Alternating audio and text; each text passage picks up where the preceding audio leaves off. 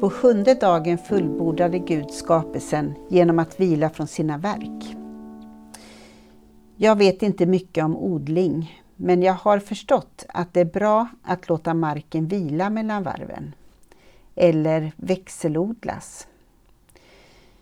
Det är också bra för oss människor att vila eller växelodla.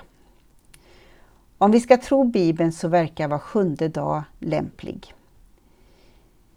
Nu finns ju vi också i ett samhälle med lagstadgad semester som på samma sätt hjälper oss till vila och återhämtning.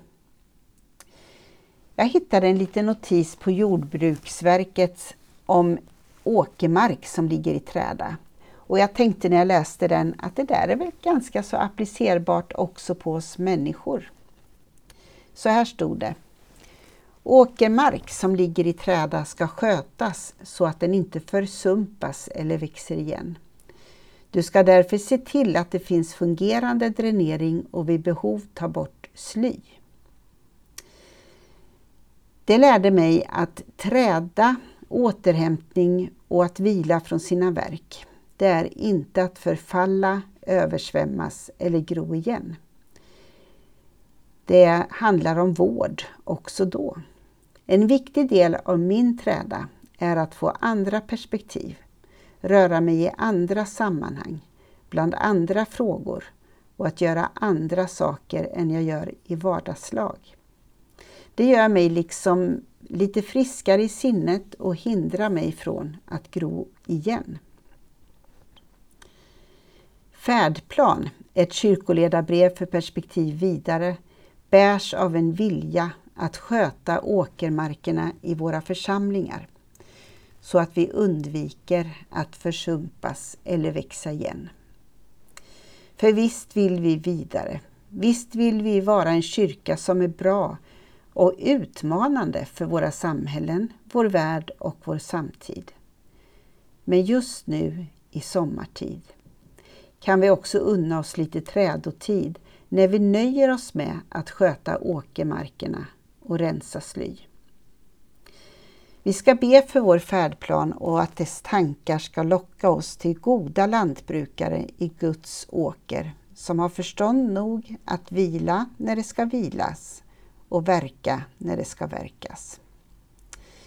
Vi ska också be för Nilens synod, vår systerkyrka i Egypten. I höst samverkar vi i ytterligare en utbildning i interreligiös dialog mellan en kyrka och en moské i en stadsdel i Kairo.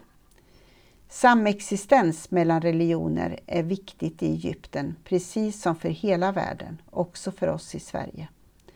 Trots olika tro kan och ska vi stödja varandra i vår rätt till tro och vår rätt till att uttrycka vår tro.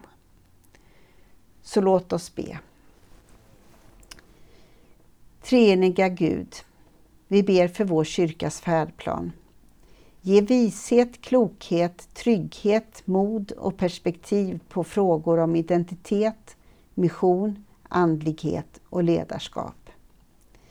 Hjälp oss att rätt tolka vår tid och vår kyrkas kallelse i världen. Visa oss din väg och gör oss villiga att vandra den.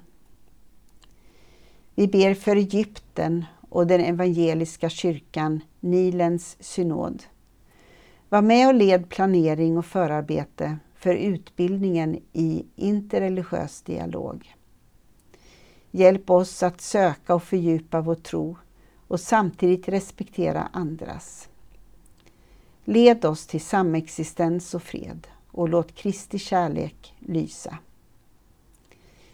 Vi ber för hela jorden, den vackra skapelse vi är en del av.